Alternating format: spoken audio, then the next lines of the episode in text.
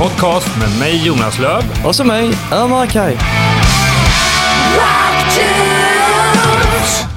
Välkommen till Rockdudes 17 och dagens gäst är Per Kviman som äger och driver managementbolaget Versity som bland annat har artister och band som Takida, Backyard Babies och Watain.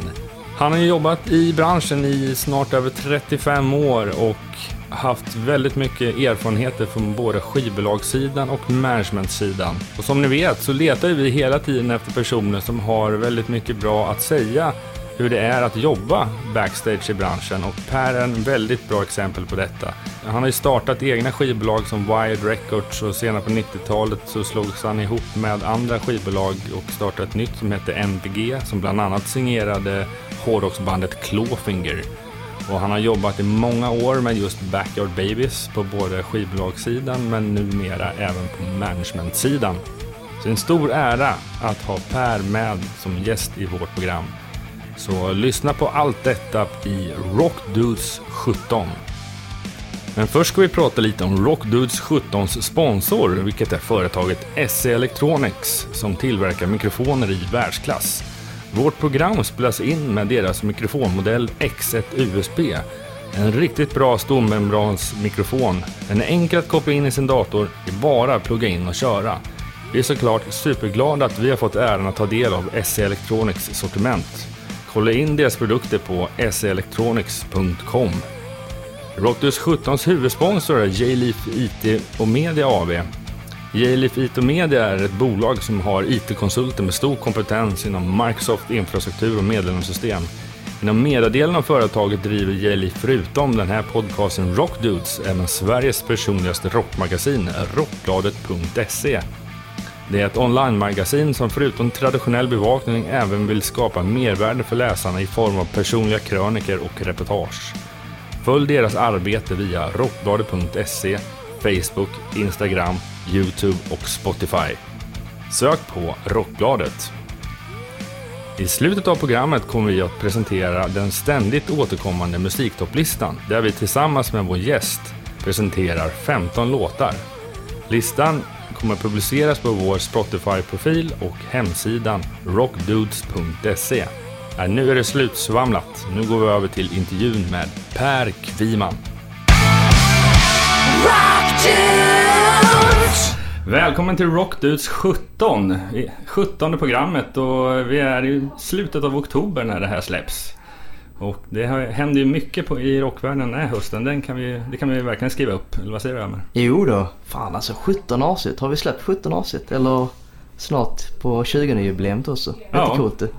Vad ska vi sikta in oss på den här gången tycker du då? Ja, jag hade en liten önskan om att intervjua eh, den kändaste managern inom rocken i Sverige och nu har vi lyckats få till den här karln så att lite kul är det. Ja. Vi pratar som Per Kviman. Välkommen till programmet. Tack så hemskt mycket. Tack. Vi börjar väl egentligen för att enligt försnacket här så har du väldigt mycket att prata om. Så hur egentligen kom du i kontakt med musikbranschen? Vad är ditt första musikminne? Mitt första musikminne, och det är något helt annat än att komma i kontakt med, med hur jag kom i kontakt med branschen. Eh, jag försöker minnas och vara helt ärlig också så tror jag att det var, satt och tittade på TV när jag var fem sex år när jag fick den riktiga första pirret i magen och det var Björn Skifs uh, Hooked on a feeling. då var då jag förstod att musik kunde få en.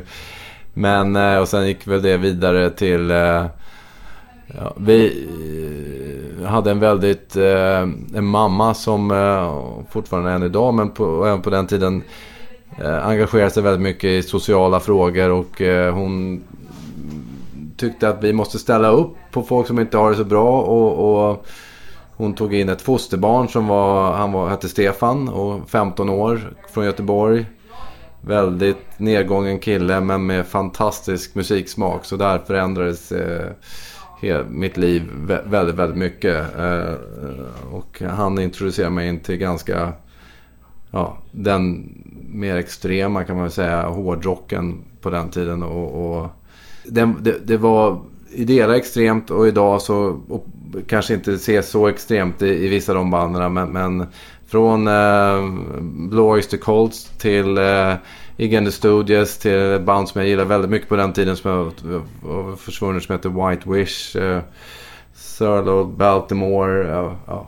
Det är inte så mycket svenska band Nej, November kommer jag ihåg han lyssnade på. Han gillade inte riktigt... Uh, och det, ja, han gillade inte riktigt svensk musik. Tyckte inte riktigt det höll, höll måttet. Så att det var, det var väl min liksom, introduktion in till en helt annan värld av musik då. Eh, och, och eh, med, efter några år där när jag kom, när jag kom upp i och, 10-11 år, 10 år så upptäckte jag ju Kiss. Det tyckte han var rent strunt. Men där någonstans gick vår skärlinje. Så, och, där, där började du skapa din egen identitet kan man säga. Då, ja, ja, ja, jag var helt förälskad i Kiss. Och, eh, det, var, det var den första, eh, när jag såg dem på Gröna Lund 76 var ju första livekonserten jag såg.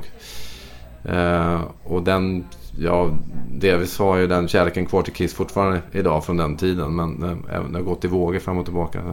Så det var ju en väldigt viktig del. Men det, ja, det ledde ju sen fram till jag var ju 12 år då när, när punken kom 77. Och det igen förändrade ju allting. Och, och då i stort sett gjorde vi oss av med alla våra gamla Black Sabbath och Kiss. All, all, allting som var innan 77 var ju liksom inte okej. Okay. Sålde man det då? Eller ja, typ. Alltså, en del har jag lyckats ha kvar. Oj, ja, du måste ångra Ja, det finns mycket man ångrar. Så vi... Eh, men då var det ju bara ja, Pistols Clash och, och Ebba. Alla, alla punkbanden som ledde fram till eh, till så att säga ja, den mer mörkare rocken med, med Joy Division, Echo the Bunnymen, Susan the Banshees hela. Eh, och där någonstans började jag, fick jag mitt första eh, kom, första gången jag kom in i branschen så att säga. Vi arrangerade, vi startade en musikförening i, i Vaxholm där jag bodde då, i uppväxt. Eh, och hade eh, Tog dit band som spelade allt från, eh, ja det var KSMB massa gånger. Det var Incest Brothers och eh, det var en hel svärd där med band som spelade mycket kring Ultrahuset och violen och, och vi gjorde, tog, tog dem till Vaxholm och sen, sen lyckades vi få dit eh, Theatre of Hate som ju var Kirk Brandon och, som, och med Bill Duffy som sen var med i The Cult. Så det var, det, det var riktigt stort att få dit ett, ett sånt engelskt band till lilla storstugan i Vaxholm. Det ledde till att jag blev, eh, var inblandad i olika via elevorganisationen och elevförbundet som sen blev, eller Seko och elevorganisationen blev elevförbundet. Vi gjorde en jättestor konsert som jag var med och arrangerade med, med Susan de Bernsches för att visa, ja, visa upp för Sverige att det här förbundet hade bildats. Och det ledde mig in till började jobba med Kolingsborg. Och eh, på den tiden hade jag också då lyckats tjata mig in och bli volontär på tidningen Schlager efter jag var 16 år. Och eh, lärde känna Lasse Nylin som har blivit en av mina bästa vänner genom livet. Och, och han och jag eh, höll mycket i, i bokningen av artister in på, på Kolingsborg. Eh, och, och eh, det, avskal, det avknoppades i kan man säga ett bolag som sen blev, där Wire Records som det var det första då, skivbolaget som jag eh, var med och drev tillsammans med framförallt eh, Harry McGee, en engelsk kille som vi eh, fick eh, var vår representant i England och som sen jag drev Wire med under många år. Med, och det gjorde jag då från att jag var 18 år. Väldigt tidigt med andra alltså skivbolagsdirektör redan då? Ja, ja, ja jo, det var, det var tidigare år. Men har du någon form av erfarenhet att driva företag eller, eller bara? Nej, jag kastade mig bara handlöst in i det och, och vi, jag hade en idé om att bli eh, journalist och eh, skulle gå då, då kunde man gå två år social och, och gå ut med högsta betyg. Där så hade man en chans att komma in på journalisthögskolan men insåg att jag skulle aldrig jag var tvungen att ta ett sabbatsår tyckte jag för att få motivation och sen kom jag aldrig tillbaka till skolan utan jag fick det här volontärjobbet på slager och, och sen de... Det var väl så att vi, det var massa svenska band. Vi tyckte bara, alltså på den tiden så var ju svensk musik, svensk musik var ju inte någonting som alls fungerade utomlands förutom i stort sett ABBA. Det var liksom det var väldigt ovanligt i alla fall. Björn Skifs hade väl kanske då namnet någon Billboard-etta. Men det var ju verkligen ingen vanligt. Och, och, och, min idé och, och, och att jobba då med Harry från London var att, att jobba med svensk musik som stod sig internationellt. Eller som kunde liksom som, som hade meriter nog som inte bara var en svensk version av någonting som redan fanns utomlands. Och då blev det ju band som 13 Moons som ju blev väldigt hyllade i engelsk press för, för ett otroligt sitt unika sound. Lädernunnan, Lädernan som verkligen också stod ut och, och, och, vi byggde upp en organisation då i Europa med det, ja, det var som blev Rough Trade i England var distribution där och sen hade vi en, ett upplägg i Eh, med, med, i Tyskland eh, och eh, för Norden så, och, och sen distribution över hela Europa. Så det, vi hade en liten miniupplägg där, ett innebolag med heltäckande distribution som är väldigt vanligt idag. Men som sagt, på den tiden var det, var det ganska unikt får man säga.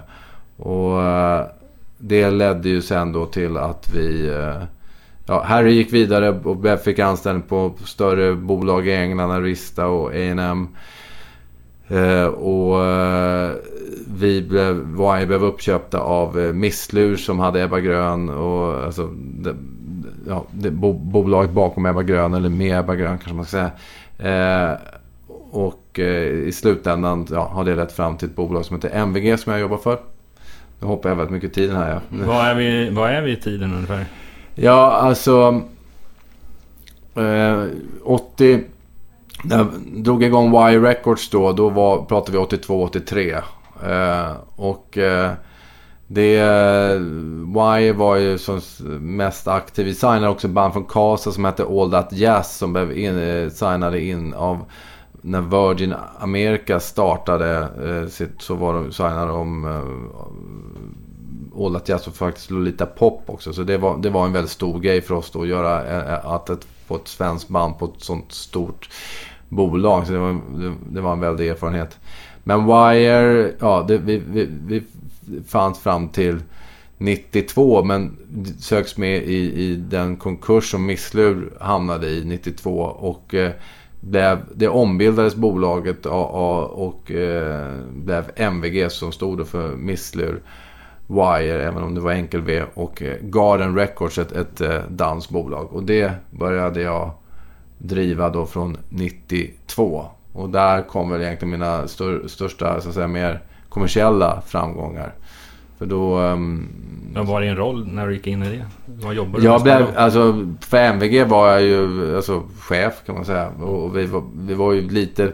Det, det, det, som var möjligheten och som ju man ser en väldig skillnad på idag var ju att då fick vi ju, fanns ju en katalog där hela då Misslur-katalogen framförallt, eller överhuvudtaget Garden Wires och Misslurs kataloger. Och det blev ju tillsammans med de två studior som, som fanns. Dels studion på Roslagsgatan, MVG-studion, eh, som, vi, som, som Misslur hade köpt då innan de gick i konkurs. Och så Decibel studion Och med de två studiorna så hade vi möjlighet att, att, att ta in band. vi gjorde demodealar där man från det, att vi committade oss till en platta rakt av till att de fick spela in fyra låtar. De fick känna hur, om det kändes bra och likadant för oss. Och så gick vi vidare och, och ibland inte. Men det, det, fanns ett helt annat skop för så att säga, utveckling av artister på den tiden som jag upplevde det. Och, och uh, det, där i den vevan då så, så sprang jag på bland annat Clawfinger som ju blev en runaway hit i, i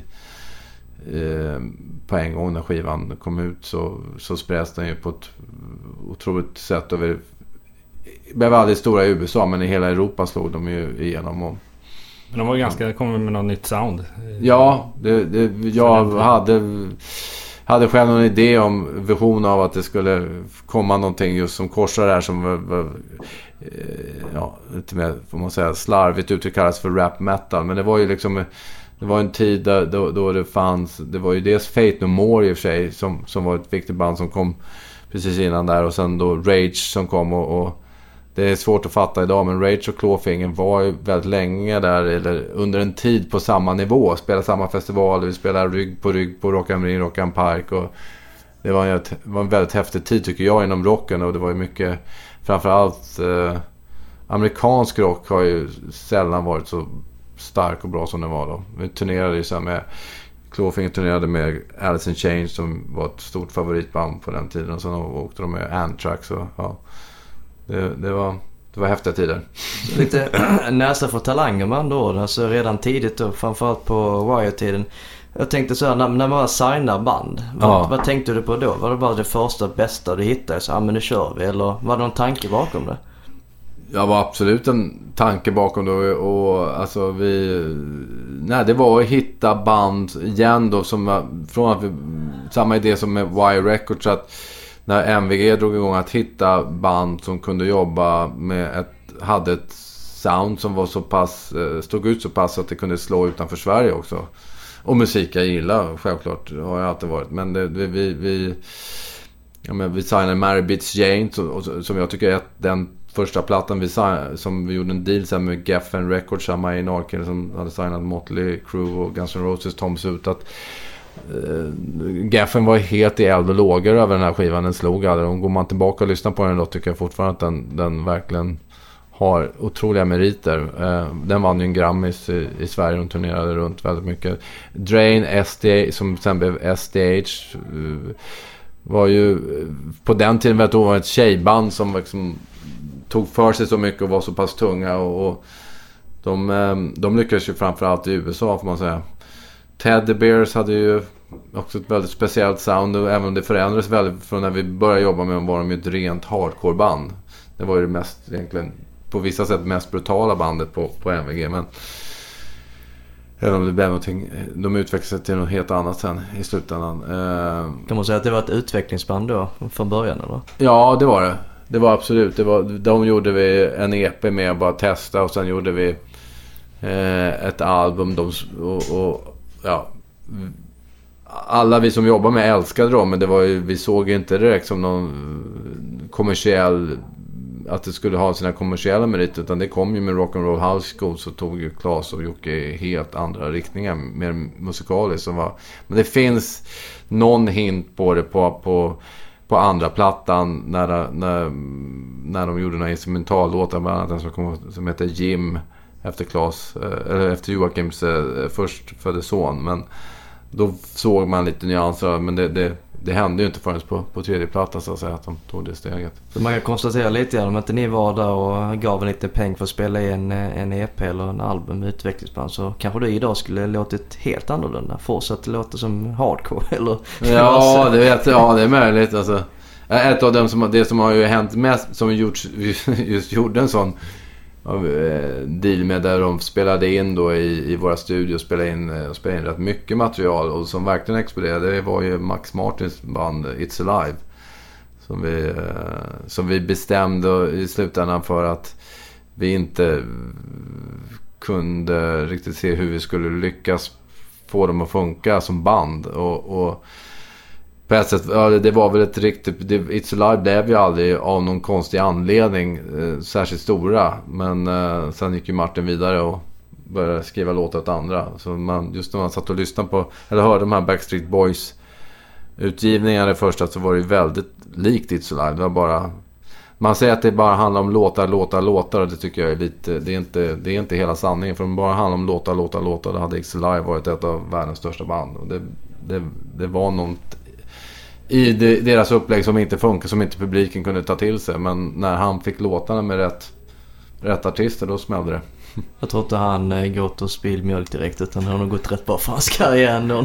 Ja, ja, nej, men det, det var jag tror bara Martin sig bara att, att se väl att det var menat att det var så. Även om han hade säkert länge tyckt att det vore, hade varit väldigt kul att slå igenom som sångare och vara var stjärnan i. Men idag tror jag absolut inte han har några regrets. Eller.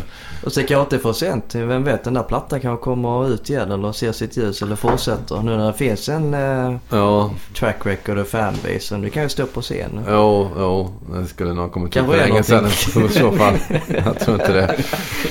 Nej, de släpptes ju skivorna och finns ju utgivna. De gjorde ju en massa turnéer med runt om i Tyskland och Schweiz och Österrike. Men det, det tog aldrig riktigt fart med bandet.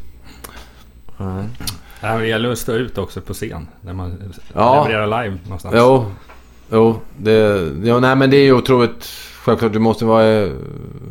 Så är det ju att du, du, alltså jag kan inte nog säga hur mycket jag har respekt och har otrolig eh, känsla för de musiker vi jobbar med och det de går igenom. Och de, alltså det, att slita så mycket ute runt om på vägarna och, och, och allt vad det innebär att vara musiker. Det, det är så mycket tuffare än vad, vad vad man många gånger kan föreställa sig. Ja, de flesta eh, ser ju mest kanske allting runt ett skivsläpp och att man kanske sitter i en studio eller man sitter mm. någonstans i en replokal och skriver låtarna. Och det är det mm. egentligen folk associerar med musiker och deras mm. liv någonstans. Men det, det de ägnar sig mest tid åt är ändå att sitta i, på bussar eller på andra färdsätt. Och åka runt om i ja. Sverige, Europa, världen och så vidare. Och är... Ja, och det är en otrolig utmaning. Framförallt utmaning innan du ens har en aning om du någonsin kommer få in en krona på det du håller på. Men du är ju någon, ska du ha en chans att hamna där så är du ju mer eller mindre att committa hela ditt, liksom,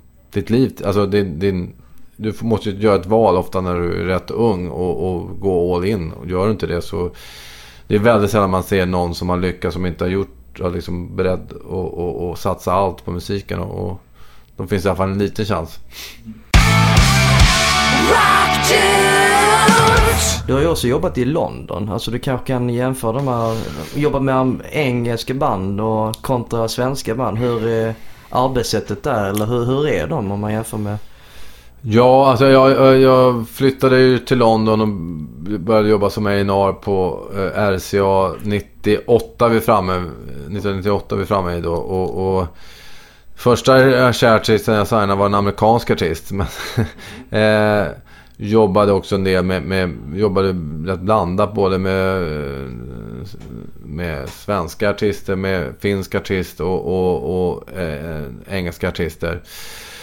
Eh, jag säger att jag tror, det, det, det fanns på den tiden, jag tror inte skillnaden är lika stor idag. Den är, det finns fortfarande skillnad men den betyder mycket mindre. att Amerikanska artister såg sig, har nog sett sig mer alltså, från grunden som, som rena underhållare. Medan eh, speciellt den generationen jag uppväxt i, där var det liksom mer ett ställningstagande. Det var liksom ett, något politiskt många gånger, i alla fall inom rocken, att spela rock. Medan i USA handlar det, för amerikanska kids handlar det om att bli känd och, och, och sälja skivor och, och liksom... Och, och, så det är väl det som jag tycker... Alltså om du sitter och bara ska titta affärsmässigt på det så är, visst, då är det många gånger kanske lättare att jobba med en amerikansk artist som bara är, har det, har det för, för, för anse att man ska få det att funka och det ska komma in pengar. Och, och sätter politiken i, i eh, och det har inte Ja, det finns artister jag har jobbat med som han skulle kunna förmodligen ha slagit igenom stort i USA om de inte liksom ansåg att man åker dit och kan inte hantera amerikansk attityd och, och åker aldrig mer tillbaka igen. Så det... det eh, vad det gäller engelska artister så är det som, det som är lite lustigt, alltså det man slås av ändå måste jag säga och som jag tror är en del av den stora framgången för svensk musik. Att de ser väldigt mycket ändå på att det handlar om, om England och sen USA. Europa är liksom någonting sekundärt och inte så intressant. Utan erkännandet är att slå igenom England och USA. Där tror jag svenska band har en fördel, speciellt om man tittar. Vi, här, man gör ingen skillnad. Man jobbar lika gärna hårt i Tyskland, Frankrike, Italien som i England. Uh, och, och, och, och, så det, där, där tror jag faktiskt vi har en, ja, en uppsida. Eh, sen är det väldigt skillnad, stor skillnad att jobba på... Jag kommer ju från att jobba på ganska små bolag. Även om jag jobbade på MNV på slutet som var ett halvstort bolag. Så var ju BMG och RCA ett väldigt stort bolag. Och det var ju en stor eh, skillnad och nästan kulturell chock liksom i hur, hur man eh, mer handlar om att bevaka sina... Det är mycket revirsbevakning. Att man ser efter sin egen karriär snarare än att man kanske ska brinna för ett visst band och för sina band och göra vad, allt man kan för att de ska slå igenom. Det handlar mer om hur man visar att det här gjorde jag, nu ska jag bli promotad till... Ja. Att du är artisten själv någonstans? Att du lika, ja, lika kanske inte artisten själv men, men, men om, om...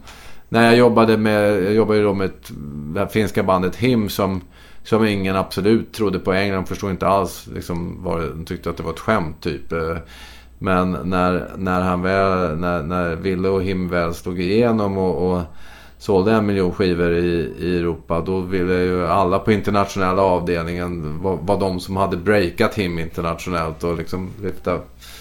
Det, det blir väldigt sådana där situationer som man inte alls var van vid hemifrån. Utan... Så lite karriärshöjden med, mm. med tanke på allting att man ser till sig själv till, mm. till viss del och jo, det... tar sig till nästa kliv. Ja, det är väldigt mycket att jobba på de amerikanska och, och engelska skivbolagen handlar om. Det, det... Fick du förändra ditt, ditt, eget sätt att arbeta tack vare ja, att du kom in i ett engelskt Nej, jag, jag, vill inte. Jag tycker inte på, om det var smart eller inte vet jag. Men jag, nej, jag vill inte anpassa mig efter deras normer. Utan, eh, jag, det, det, det som jag nog faktiskt mest... Ja, det var väldigt kul med himframgångarna och, och att jag var väldigt inblandad i, i hur vi gjorde deras andra skiva Razorblade Roma. Att de hade spelat in den faktiskt i Finland med på ett sätt där den lät bedrövlig. Och det sa jag till finska kontoret. Ni måste göra om den här skivan om den ska, ska ha någon chans. Och då gjorde vi om den i England med en producent som heter John Fryer. Eh, och, och, som, och, och, och, då smällde det ju till med den plattan. Eh, så det var ju väldigt kul att, att när, när man...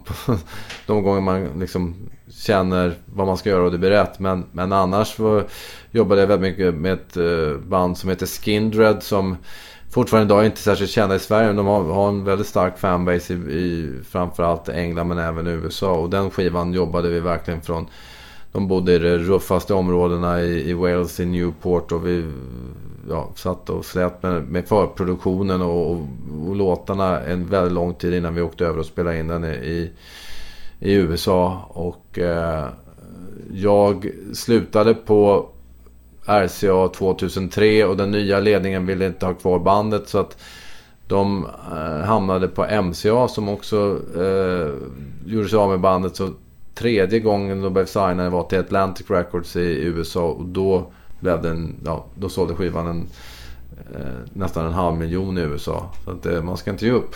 Nej.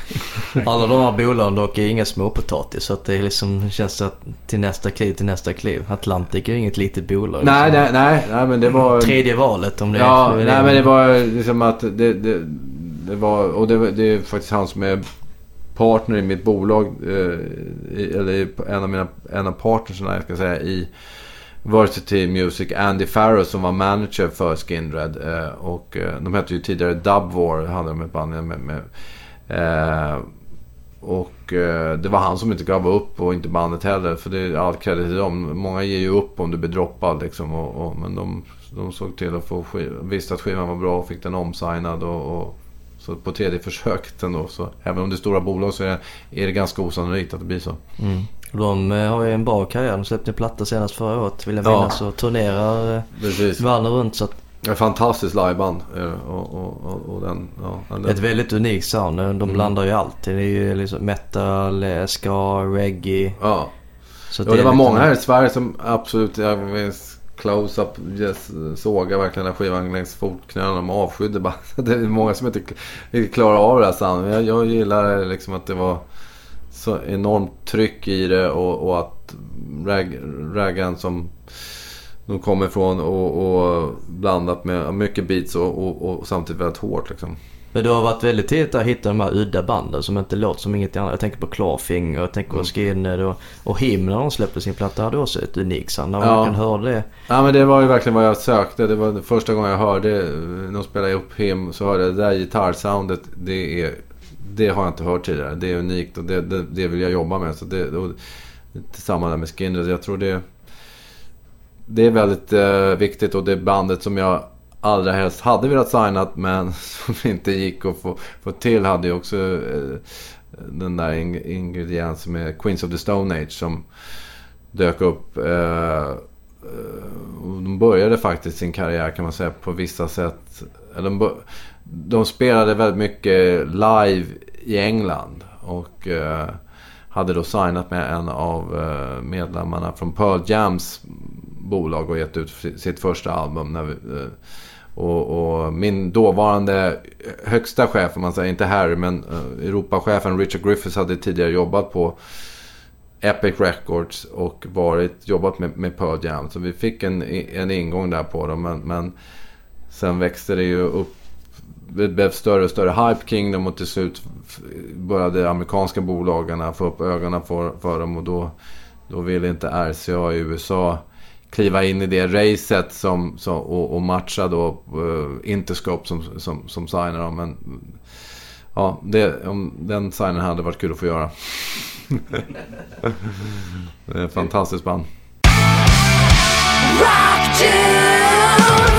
Om vi tar uh, just MVG där. Mm. Uh, ja, det var egentligen en större del av 90-talet. finns det några band där som du jobbade med som du kanske jobbar med idag till och med? Ja, ett av de banden då, och, och, och de, en av de signingarna som var väldigt glad och stolt över på, på MVG-tiden var ju Backyard Babies. Som också då, eh, när de jag fick först en... Ja, det var en... Jag såg det som en demo. Det var väl kanske så att de själva såg det som att de hade påbörjat inspelningen på ett album. Men vi... vi jag föll platt i alla fall för deras attityd, deras... Eh, eh, energi och, och liksom den här bara korsningen av all, alla grejer man verkligen själv också gillar med Guns N' Roses och Sex Pistols till eh, ja, eh, en salig blandning och, och en eh, eh ruggig energi. Eh, och det, det var ju en platta som vi som också som var, var ju fascinerande på den tiden att man, eller som var väldigt eh, det gav ju en själv och, och, och, mycket inspiration och mycket energi att man visste att gör man en tillräckligt bra skiva och hittar till de kanaler som är där så, så kan det smälla. Och, och med, alltså, man ska komma ihåg på den här tiden är ju inte... Så Backyard spelas ju inte på radion eller något sånt utan det var ju... P3-spelaren kanske lite grann utan det var mouth to mouth och precis som, som Klåfinger en gång också slog igenom så, så, så var det att det spreds via klubbar och folk snackade och, och från och de sålde ju även, uh, ja, de sålde ju över 50 000 skivor bara i Sverige Backyard på, på Total 13. Uh, eh, och, och började också ta fart runt om, tog fart och fick ett fäste som de har kvar än idag över hela världen. Uh, så att ja. Ja det är häftigt. Och nu jobbar du med dem också på ja. managementsidan? Nu har jag ju sen, jag jobbade med dem då som vi pratade om tidigare på, på RCA-tiden så var jag, då hade vi en en joint venture med, med BMG i Stockholm. Så att jag var A&R för, för eh, ja, från England och, och, och, och sen jobbas det då med, tillsammans med Per Lindholm på, på BMG-kontoret. Och efter att jag flyttade hem från England 2003 så 2005 då så blev det så att vi hittade varandra igen och, och jag blev manager och är fortfarande manager för dem sen, sen dess. Och så startade eget företag också? Ja, då har jag startat... 2003 då så, så startade jag Varsity Music och där... Som tillsammans med eh, Andy Farrow som eh, då jobbar med, med Skindred och idag också är manager för till exempel OPEF. Eh, eh, Paradise Lost han jobbat med sen i alla år och, och ja, han har eh, eh, en, en, en Devon Townsend Project går väldigt bra för honom också. Så att, eh, eh, Andy och jag och en kille som heter Per Bystedt drog igång. Eh, per var ju en gång i tiden chef för eh, ZTV bland annat. Eh, och satt som styrelseordförande i MNV långt tillbaka. Men... Och det bolaget driver jag än idag. Det har Varsity började mer som ett... Eh, någon, någon, hybrid av skivbolag management. Men sen har vi liksom utvecklats till mer eller mindre renodlat management. Vi, vi gör fortfarande ibland plattor och inspelningar som vi som tillsammans äger med, med artisterna. Men i huvudsak är vi ett managementbolag. Så det var det som var själva affärsidén när ni, när ni tre eh, startade Versity? Affärsidén var väl, när, när vi startade Versity 2003 så var affärsidén att att vara skivbolag eh, som där vi hittade nya artister och kompletterade den, de, alltså med vår erfarenhet de, de managers, som, om det fanns en manager inkopplad. Så vi hade vad vi kallar ytterligare, det var en, kan, en viss form av 360-dealar som vi ville göra. Det var tre band eh, som, som vi kontrakterade tidigt. Eh, som, ja, allt ifrån att de, ett av dem funkar inte alls ett funkar okej okay och ett gick ganska bra. Men vi, det, det blev så att vi... Eh, jag blev samtidigt då eh, väldigt förtjust i ett ett ganska poppigt band då för vad, vad jag jobbat med som heter Melody Club. Så de blev jag tidigt manager för och de låg ju på EMI så där hade vi liksom ingen inblandning och sen kom Backyard. Och då utvecklade sig bolaget mer och mer till ett renodlat managementbolag. Eh, och, och, och därefter då som du nämnde tidigare, eller ja, kanske inte nämnt tidigare, men, men eh, det tre bandet som jag signade efter till management och efter eh, vi har på med varit i fyra år var Takida. Och Takida har ju sen varit väldigt, väldigt, väldigt framgångsrika i Sverige. Det här var precis samma, typ samma vecka som de gick in på tracks med Curly Sue. Och sen gick de ju då från att varit ha, ha en väldigt stark fan, lyckas bygga upp den fanbasen de gjorde på helt eget eh, eh, arbete mer eller mindre. Eh, till att Curly Sue då blev en, ett monster på radion. Och, och, och sen hade de ju eh, fyra, fem, fem, sex kanske hittar som var riktigt, riktigt stora. Så att, eh, kan man säga att eh, Takeda är det största du har som du jobbar med nu på managementsidan i Sverige? Åtminstone. I Sverige så är, är, är Takida det bandet som har...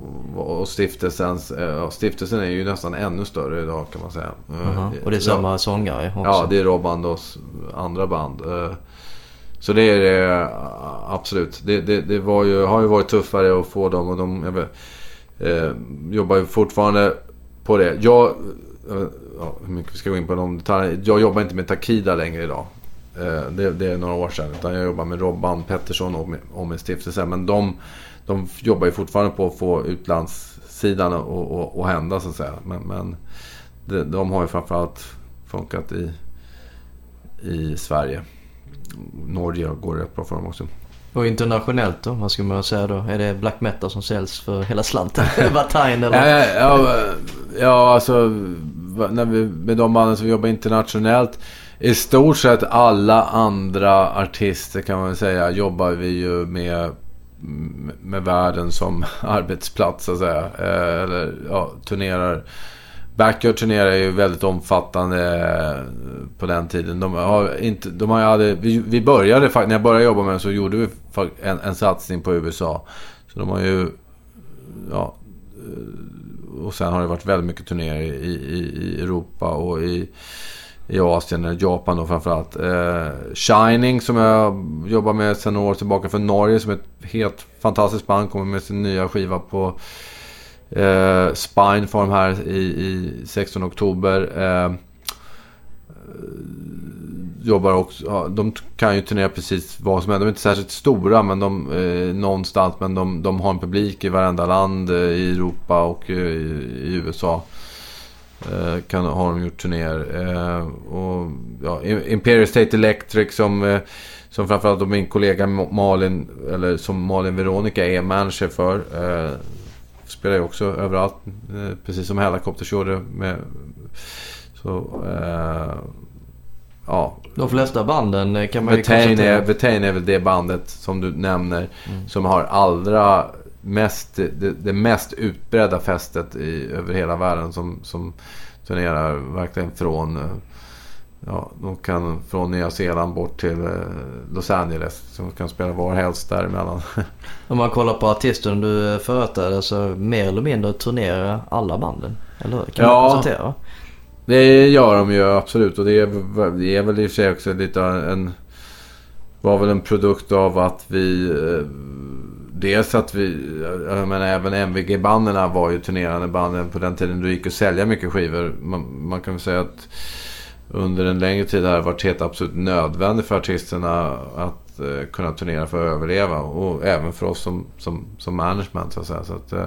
Men du har popprylar också som du jobbar lite annorlunda med? Alltså, som till och med varit med mm. på Idol eller något sånt där? Ja, vi, vi, vi har ju den eh, intressanta bredden på bolaget. Vi även är, är inblandade i Idol och eh, min, som jag nämnde min kollega Malin Veronica där är ju den som jobbar, har, har, har direkt eh, management för, för de artisterna därifrån. Men, men eh, Idol är ju, är ju en annan femma så att säga. På vissa sätt. Samtidigt så varför, varför 19 som eh, äger, eh, så att säga, Idol, eh, äger idolformatet har kopplat in management är ju för att man vill att det ska bli faktiskt bli riktiga artister av dem. Nu har vi varit inblandade i det i, i det här, nu är vi inne på tredje året. Första året vann Kevin Walker och Kevin är fotbollsspelare. Så det är, det, det är svårt att, att, titta på han senast. Jag håller på, håller på Malmö FF så jag tittar inte på han för att jag hoppades på Djurgården. Men, men eh, det är alltid kul att se Kevin spela. Men, och han är ju väldigt duktig fotbollsspelare och jag förstår helt och hållet att han prioriterar den det är i första hand. Men det är ju jättesvårt att bygga, bygga karriär med honom. Lisa är ju en väldigt stark, otrolig sångerska och har mycket utvecklingsjobb framför sig. Men, men det är det vi vill liksom se att de här artisterna blir någonting annat än, än att, ja, att de bara blommar upp i Idol och sen eh, försvinner. Så många, framförallt vinnarna har gjort. Kanske sen har det, dykt upp artister ur Idol genom åren. Men väldigt få av vinnarna som har, har fungerat i längden. Ja, det har varit här, nummer två och nummer ja. tre har fått en lysande karriär. Men ja. ettan har man redan glömt bort ja. inför nästa omgång av Idol. Så det är väl liksom, det är en stor utmaning att jobba med det. Och vi har, vi införde, det vi har infört förra året just i, kan man säga, i, i någon form av linje ändå vad vi håller på med som management är vi kallar det Winners Tour och då, då eh, får, alltså de tävlar om att, att, vinna en turné där de eh, eh, ja, nättar in en halv miljon kronor. Och det är också för att det ska finnas en riktig drivkraft att vinna. Och vi vill börja, börja bygga dem som liveartister. Alltså att det ska finnas en, en för de här artisterna. Så att det...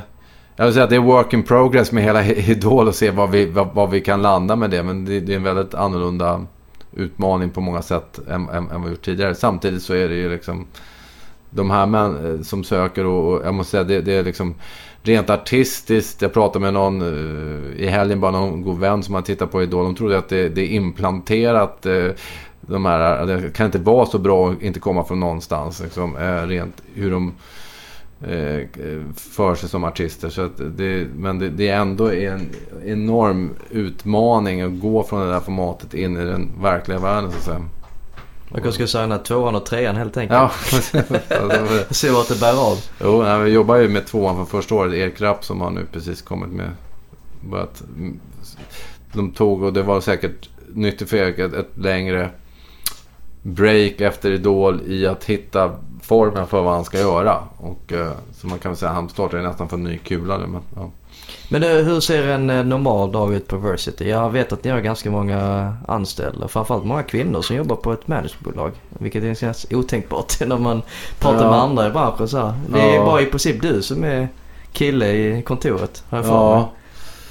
Ja, jag vet inte vad du menar med att det är otänkbart. men, men, Nej, men det är inte otänkbart. men det är ganska högt uppsatta personer i ett företag. Ja, alltså jag, jag, jag, Det är verkligen, eh, måste jag säga, på många sätt. Alltså det är inte så att jag tänker att, vi, att, att det ska vara... Att det ska anställa tjejer, kvinnor. Eh. Trevlig arbetsmiljö kanske? Eller, nej, eller nej, det är inte det heller faktiskt. Utan mer bara... Alltså, det har ju varit, jag har haft många killar även anställda som, som kanske inte har fungerat så bra. Men med tjejerna har det... Ja, det finns, måste jag säga, en lojalitet från, från, från, från kvinnor och tjejer som man jobbar med som man kanske ibland saknar från killar. Eh, så jag vet inte, det är bara... Ja, när jag, vi söker folk, när jag letar folk. Jag tittar inte efter... Vi, det, vi intervjuar tjejer som killar. Det är bara...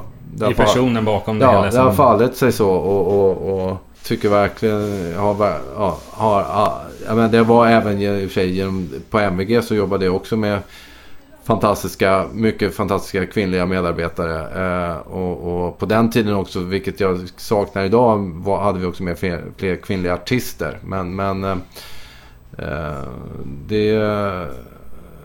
Ja, det... Det är en slump. Har det bara blivit så här kanske? Ja, Ingen det, tanke det, det, det, finns en slump och det nu... Det är mycket möjligt att det ser annorlunda ut eh, om några vi har, har fler killar inblandade. Vi, men, men det, det känns bra. Men äh, utav de som jobbar, hur många är ni nu på Versity? Ja, vi är, man, vi är fyra stycken plus precis har ytterligare tjej, Diana från rumänska eh, som praktiserar nu i tre månader. Eh, så med Diana är vi, är, är vi fem totalt. Eh, plus att eh, jag har haft, eh, på, har på konsultuppdrag. Eh, och det är två killar. Eh, Steven Page som är, eh, hjälper till med turnéproduktionsbitar. Han, de sitter i Skottland i Edinburgh. Och han och eh, hans eh, medhjälpare Andrew McKay. Så när det gäller managers gör ni också turnéproduktion åt artisterna som ni Ja, ja, det är ju framförallt...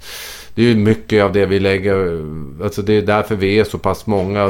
Varför vi krävs att vi är ett större team. Det är för att turnéproduktionen och den är, och även eko- ekonomiska administrationen kring det är väldigt tidskrävande och tar mycket jobb. Men, så att eh, turnéproduktion är en väldigt stor bit av vad, av vad vi håller på med. Ja. Varför gör man det själv då? Varför lyfter man inte över till ett bokningsbolag eller promotor? Alltså, det- vi, ja, det ligger, jag skulle säga att det ligger nog i linje med hela min karriär inom musikbranschen. Att jag som jag nämnde från dag ett ville jobba med svenska artister som man jobbar alltså utifrån att de inte ska vara internationella artister.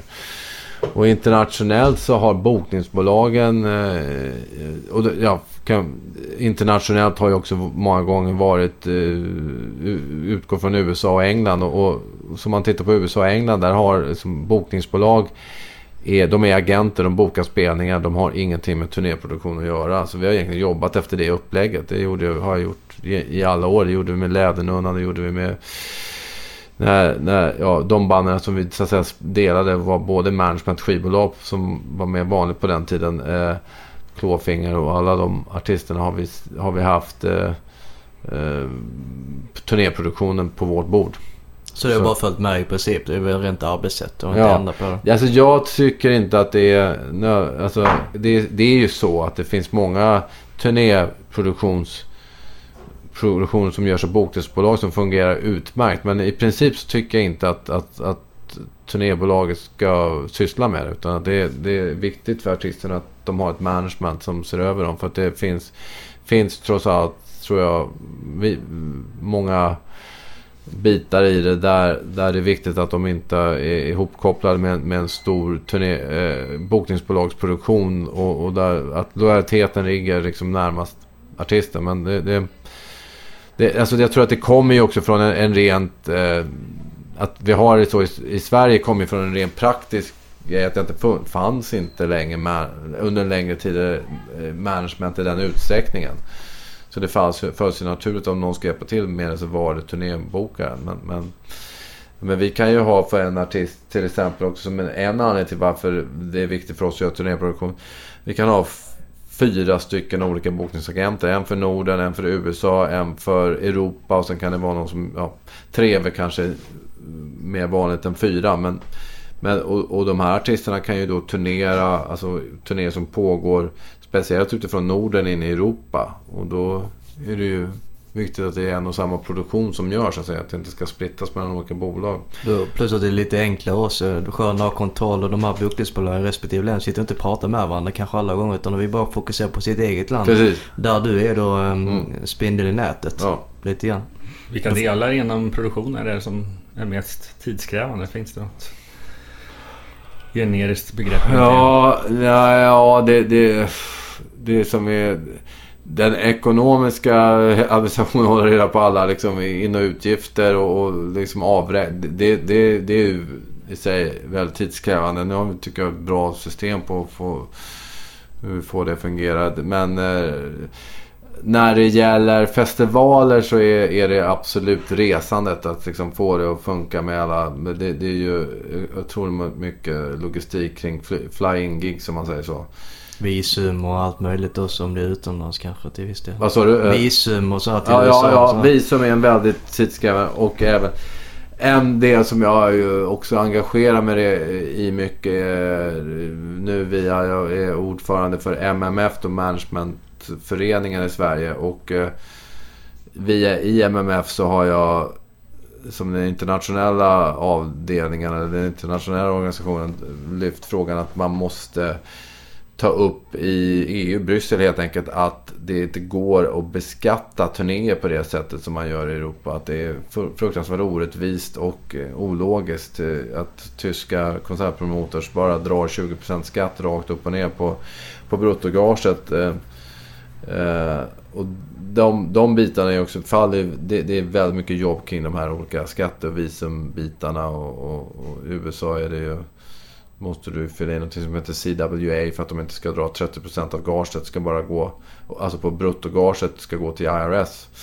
Har, jag menar, det är det, det är ju skatter som verkligen inte gagnar eh, utveckling av artister. För om du är i ett nytt band och du lyckas precis få ihop din turné och så åker du på en skattenota på 30%. Då har du 30% förlust på turnén istället. Och det kan ju stoppa många från att överhuvudtaget komma ut och spela. Så det, det... Kan det vara lite grann därför att dörren är lite stängd till USA? Folk turnerar inte lika ofta just på grund av att det är den här problematiken. Staten ja, tar den och visumen. Alltså visum, visumen kostar ju generellt kan man säga. Man, det kostar, du har ju en startkostnad på visumen på, på 40-50 tusen kronor. Det, och sen själva tidsaspekten ja, också. Sen ska du, är det en dyr flygkostnad dit och sen är det Ska du då göra som jag säger en CWA. Det kostar, alltså du måste ju hela tiden också anlita folk på den amerikanska sidan för att det här ska gå att genomföra.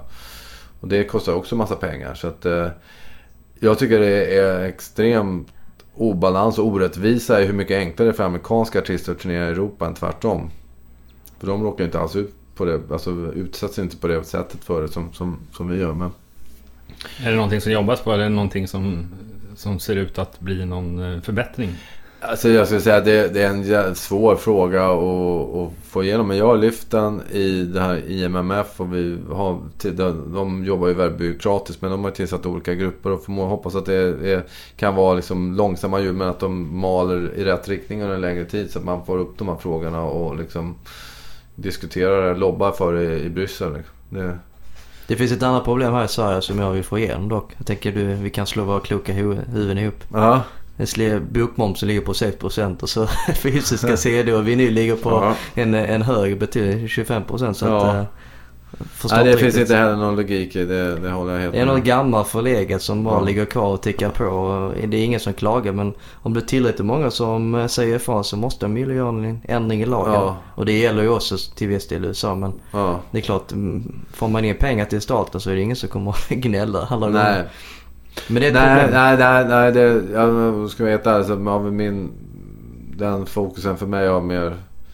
När skivförsäljningen har mer och mer tappat så har vi inte haft... Jag, för mig är mer... Alltså vår, i vår dagliga arbete så här med de, ska, beskattningen av utländska turnéer mycket större problem för oss än, än, än momsfrågan i och för sig. Jag, Nej, jag håller med dig.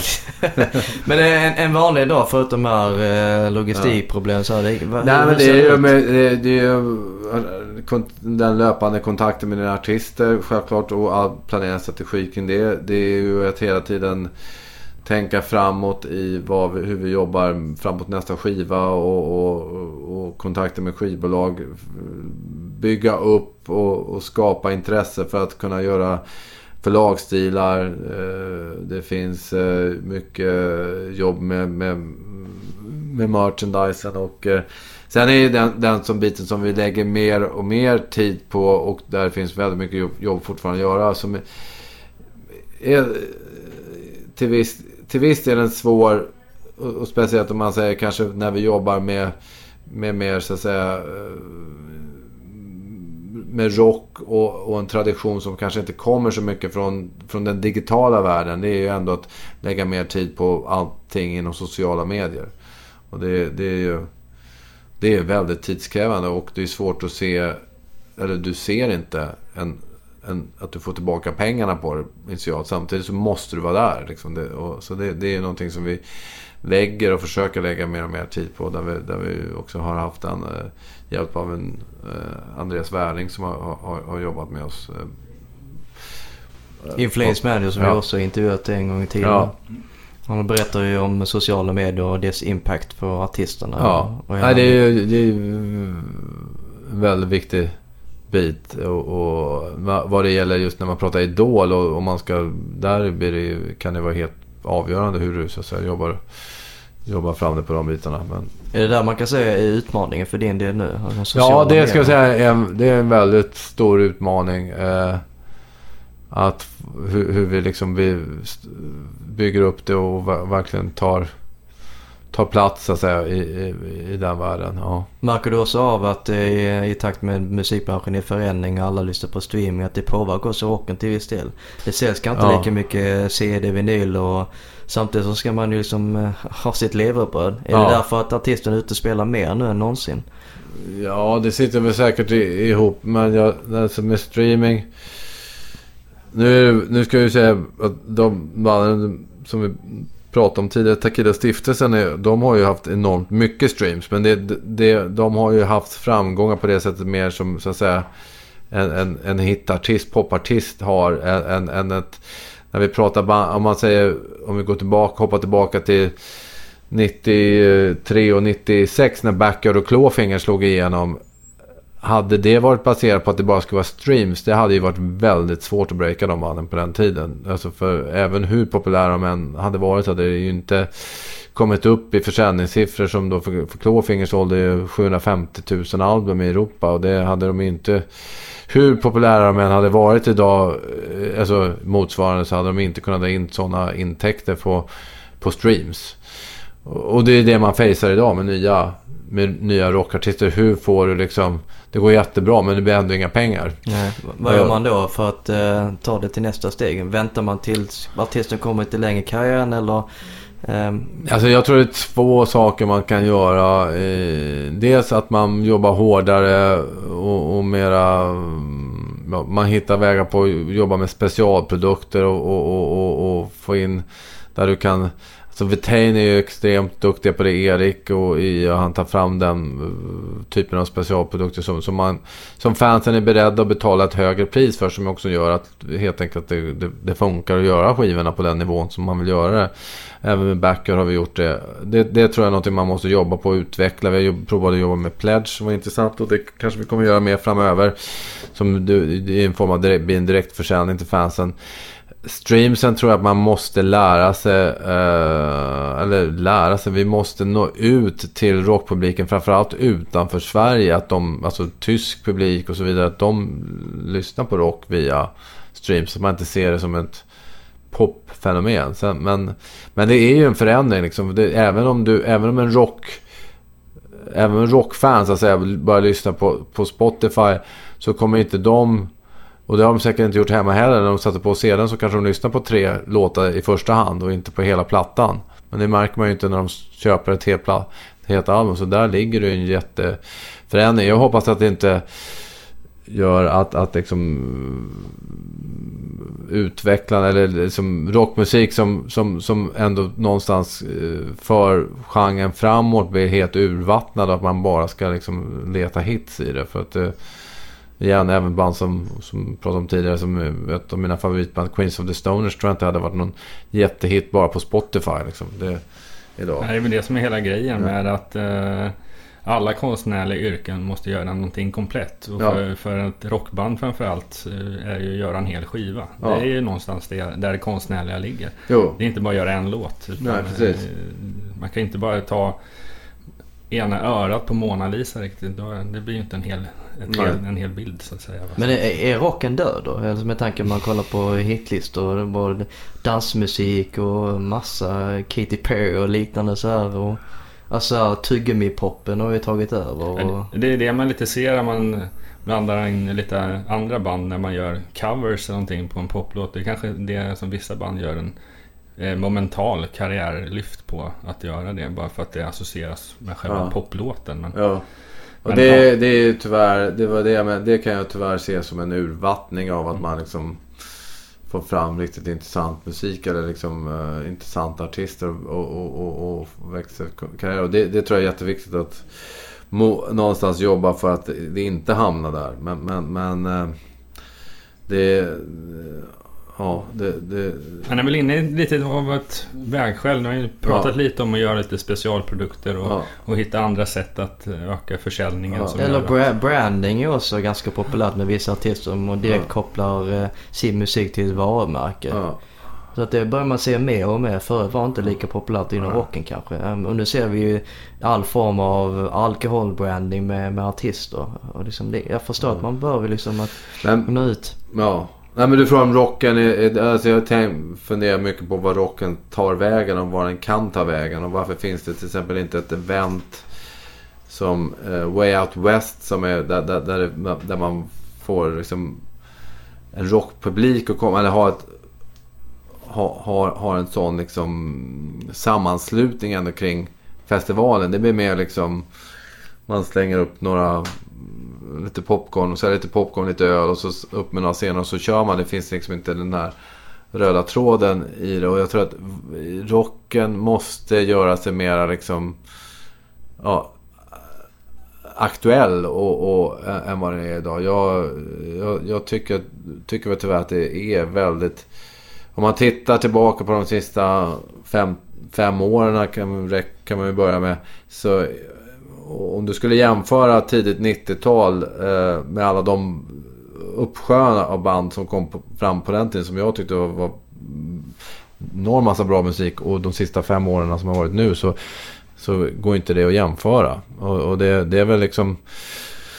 Det är väl vad de kidsen som växer upp och vad de är intresserade av att göra för musik liksom. Det, eh, det, det, det är viktigt att uh, liksom, fem, 13, 14, 15, 16, 17 år känner att det är relevant att uttrycka sig via rock för att det ska komma fram nya bra artister. Och det, ja, mycket av det man själv hör som ändå jobbar lite mer som ett, eh, med, mitt, med min eh, nättidning och sådär. Det är att få en lastvis med musik. Men det är mycket mer av det här Göteborgs-soundet om man kollar ja. på svensk musik. Det är ja, mycket ja. mer urgrunden därifrån egentligen. Ja, så, och, eh, det blir inte så nyanserat. Utan den här vanliga rocken. Det är, man hugger nästan tag i det vad det är som kommer.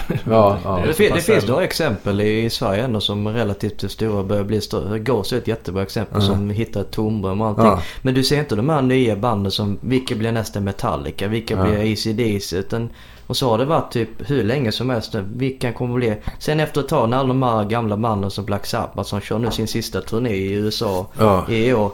Alltså vad är nästa grej som kommer att leva 30 år fram? Kommer ja. det bara bli som dö ut eller? Det känns ja. att det är ett vägskäl. Lite. Ja, det, det, måste ju hända nå, någonting men det... Jag bara... Ja, alltså mycket av det som man tittar på. Jag, om man ska peka finger lite, vill, vill påstå att början till här, att, att vi har hamnat i det läge vi har gjort har legat mycket i amerikansk radio under 2000-talet. Där man totalt gjorde, alltså, gjorde, eh, var väldigt enkelspår i vad amerikanska skivbolag styrde väldigt hårt för att vågade inte gå utanför för ramarna. Igen, Queens of the Stone Age var ett av de få banden som gjorde det och, och, och ändå kom undan med det, eller kom undan med det, som lyckades med det.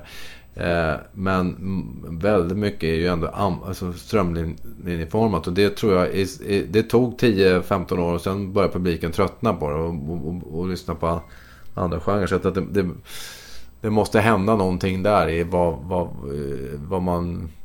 Vad radion, radion spelar eller vad som går på spellistor. Eh, hur, hur man tar plats. Nu är det mera spellistor på Spotify som är viktigt än radio många gånger.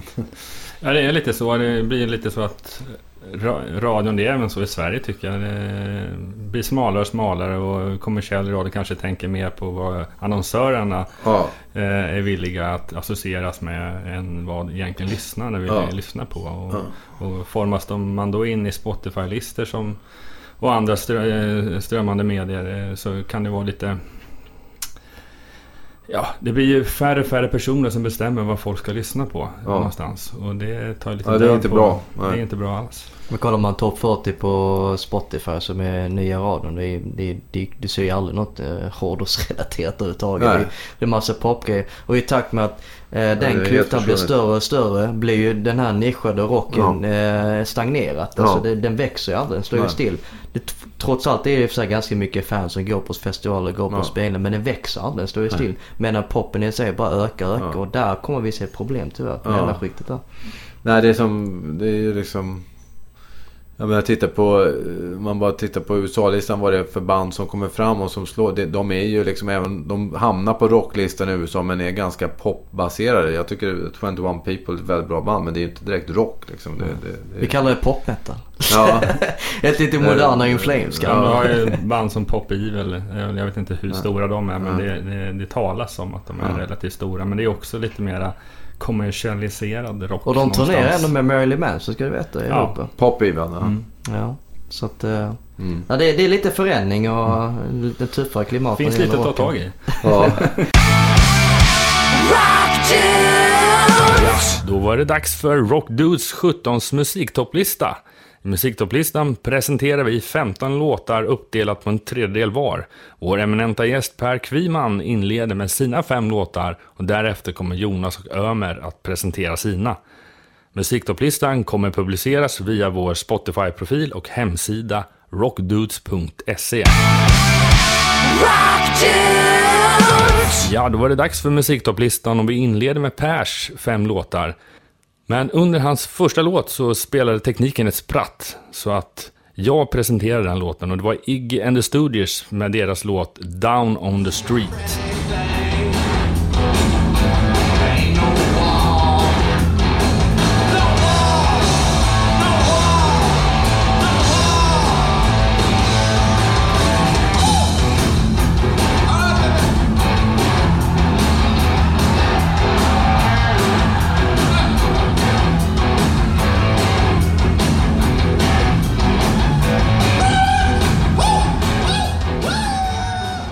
Det där var Iggy and the Studios med Down on the Street.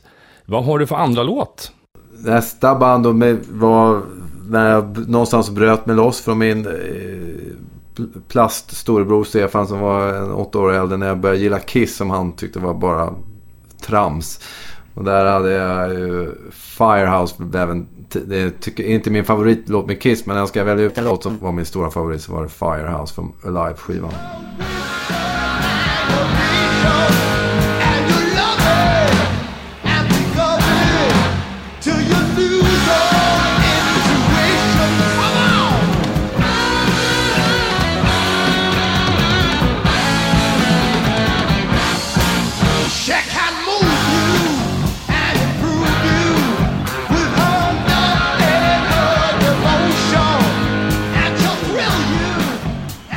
Ja, då har vi kommit till mitten av din lista. Låt nummer tre, vad har du valt där?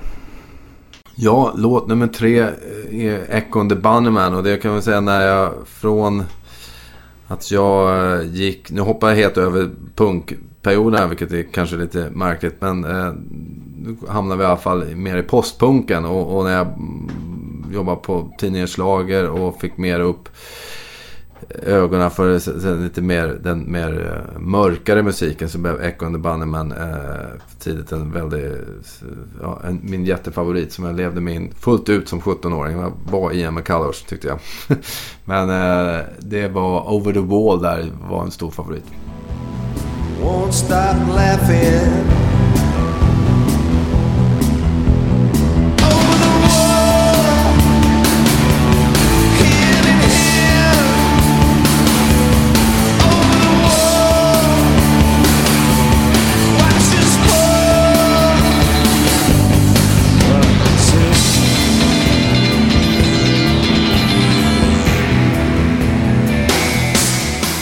Yes, då har vi två låtar kvar. Vad blir din låt nummer fyra? Från efter Kiss då så kom ju punken och så, som fick en att radera ut hela sin, sin enorma 12-åriga historia i livet. Och man gjorde sig av med alla gamla hårdrockskivor och var bara punk som gällde. Och, och allra, allra mest betydde ju Sex Pistols. Och eh, där skulle jag väl säga att låten Bodies är en tidig favorit.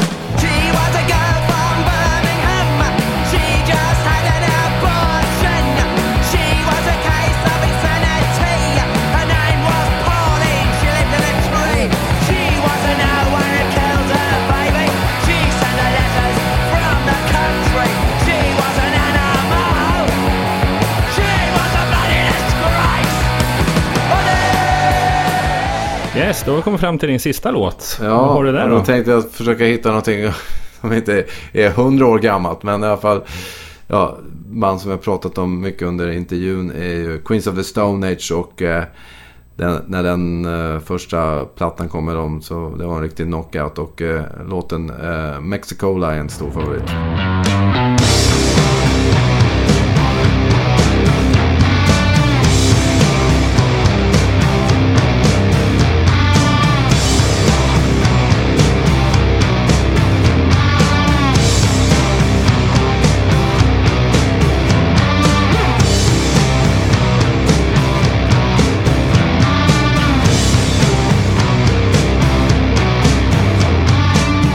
Kommit till eh, Jonas topp 5 tracks och eh, hör och häpna, som vanligt är det bra grejer. Den första är ett svenskt band Jonas. Ja, det är bandet Graveyard. Jag har valt deras senaste singel, The Apple and the Tree, som släpptes här i augusti. Eh, de spelar ju även på Getaway här. Det var där jag senast såg dem live. Och de är på gång med nytt album här inom kort. Eller de, när det här programmet släpps så har plattan också släppts. Jag tror det är den 25 september.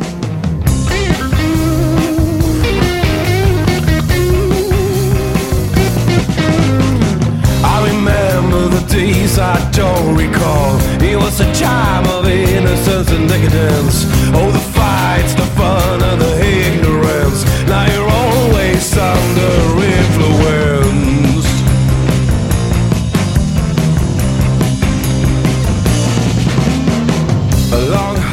Låt nummer två är en eh, liten anknytning till Helsingborg där jag kommer ifrån. En musiker vars eh, musikkarriär började där faktiskt. Ja, precis. Eh, pratade om Jay Smith och vi pratade lite om Idol förut med Per. Men ja, Jay Smith kom ju därifrån och han har väl verkligen fått eh, ta lärdom av att, att vinna Idol eh, banar inte vägen för sin karriär alla gånger. Men eh, han jobbar på hårt och är ute och turnerar rätt mycket runt om i Sverige. Numera rent akustiskt. Och den här låten, den här nya singeln då, Never Neverland, som släpptes i augusti, eh, är en riktigt skön, bluesig rocklåt i akustiskt format. Så vi tar och lyssnar på en liten bit. Hey, Baba, tell me, is I need some advice. Loving recklessly, is it my demise? Oh, Papa, let me rest my aching head. This love is making me wish I was dead. And I wait till I find Never, never land. Here I come. Mitten av låtlistan har kommit till eh, Amerika. Vars sångare har faktiskt en grym stämma. Ja, det är frontmannen i Soundgarden, Chris Cornell. Han har nyligen släppt ett eh, nytt soloalbum här som heter Higher Truth.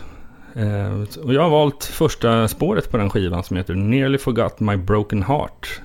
Där man verkligen får höra mycket av hans feta röst som eh, bara spräcker högtalare av sig självt. Hans feta basstämma. Feta basstämma.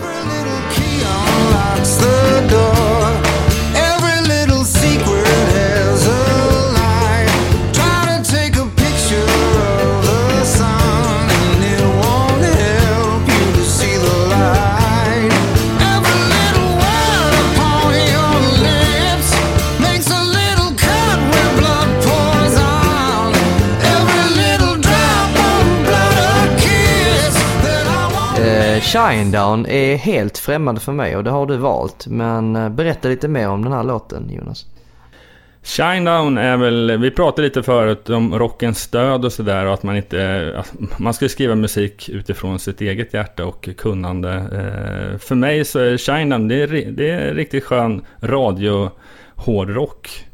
Eh, har valt en låt som heter Black Cadillac som kommer från deras senaste album Threat to Survival som släpptes den 18 september eh, för mig är det, det, det är sån där låt som behöver vara med på en, en bra låtlista. Det kanske inte är en skiva som jag lyssnar riktigt lika mycket på, eller, en art, eller ett band. Men eh, ja, i, en, i en välformaterad playlist så finns det alltid utrymme för Shinedown. Så vi tar och lyssnar lite på Black Cadillac. I got a mind full of inspiration, and I ain't living in the past no more. So feast your eyes on the people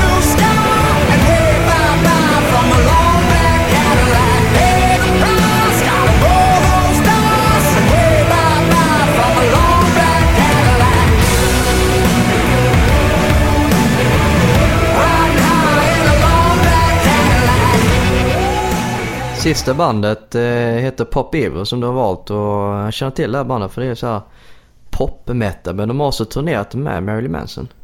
Ja, precis. Jag hörde några låtar med dem här på eh, Sweden Rock häromåret. Eh, sen har jag, ja, man har fått, jag har fått den här musiken tillskickad. Jag hade nog aldrig hittat dem av mig själv så att säga. Men det är väl just för det här pop metal-grejen.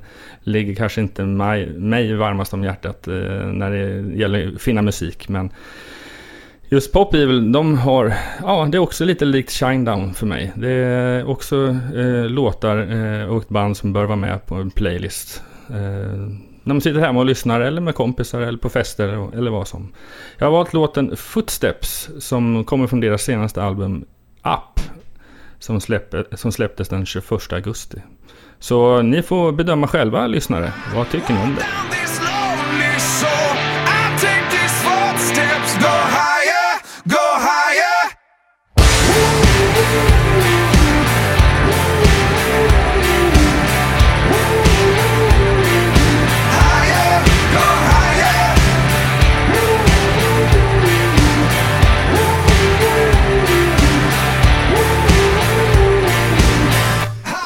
Ja, då har vi kommit över till Ömers Top 5. Vad inleder du din lista med den här gången? Hail Satan! Nej, men det är, det är som vanligt traditionell skit i black metal. Från, denna gång från Sverige faktiskt. Sjuder med låten Kaos. Från plattan Antiliv. Ja, det, det låter jävligt skitigt och eh, så här ska svensk black metal eh, Vad får de här att sticka ut? Ah, det är inte så teknisk eller eh, som man jämför med Vatain eller alla de här större banden. Utan här är ett verkligen så underground-band. De är nöjda med sitt sound och var de befinner sig i livet. Vilket är misären.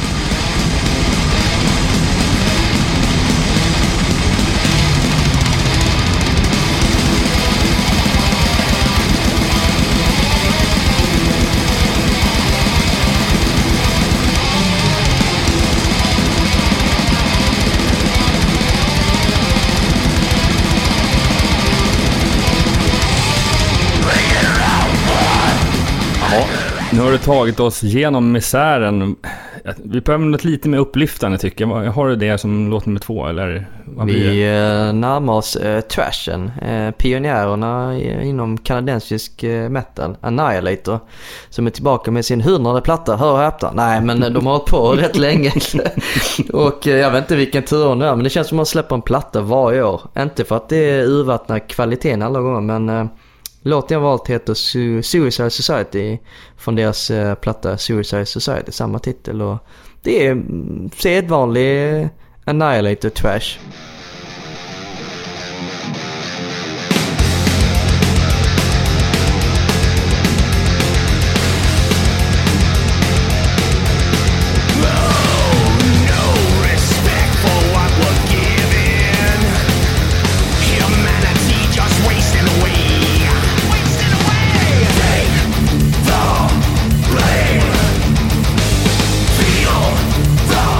Skönt med lite trash så här i listan. Eh, Men nu kommer vi till ditt mittspår. Vad blir det? Ah, nu har jag valt en liten hybrid mellan eh, Black och Döds, ett amerikanskt band som heter Black Dahlia Murder. Som har ganska mycket influens av det svenska soundet men ändå kör sitt eget. Låten jag valt heter The Fog ifrån skivan Abyssmal.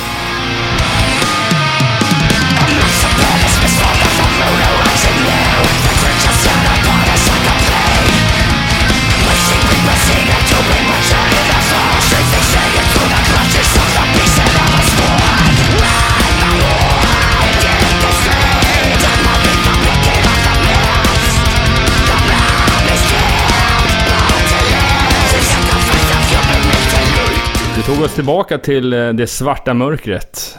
Vad tar du oss härnäst?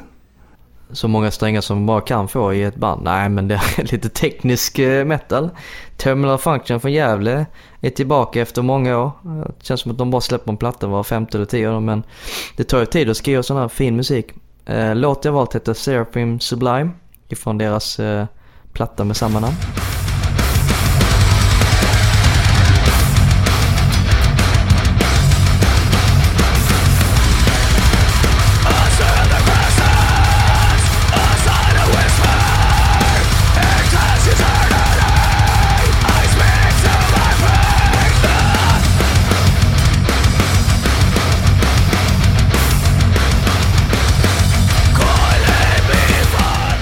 Ja, det var ju framme vid sista låten på vår topplista. Vad ska vi avrunda det med? Jag avrundar med en skräll. Jag har valt en eh, dyster låt. Fast det här är faktiskt egentligen en poplåt. Men Gabriella Aplin som kommer från England eh, har en, eh, eller har framförallt dystra låtar eh, sedan tidigare. Låten heter Light Up The Dark och det behövs verkligen med tanke på den här topp 5 ondska eh, listan. Eh, men lyssna på texten. Light Up The Dark från eh, samma platta.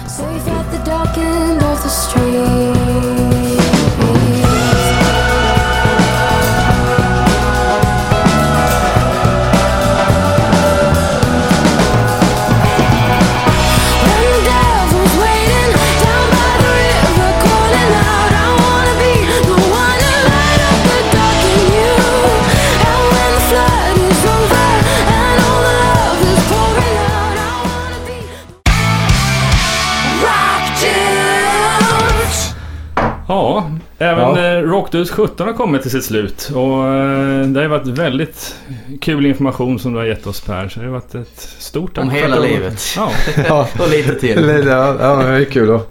Det, sprida att, vidare att, det, att det är till någon nytta.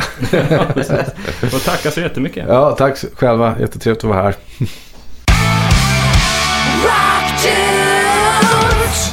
Du har ni lyssnat på Rockdudes 17 som den här gången gästades av Per Kviman från managementbolaget Versity. Återigen har vi haft ett riktigt intressant program där vi har lärt oss mycket och haft många skratt.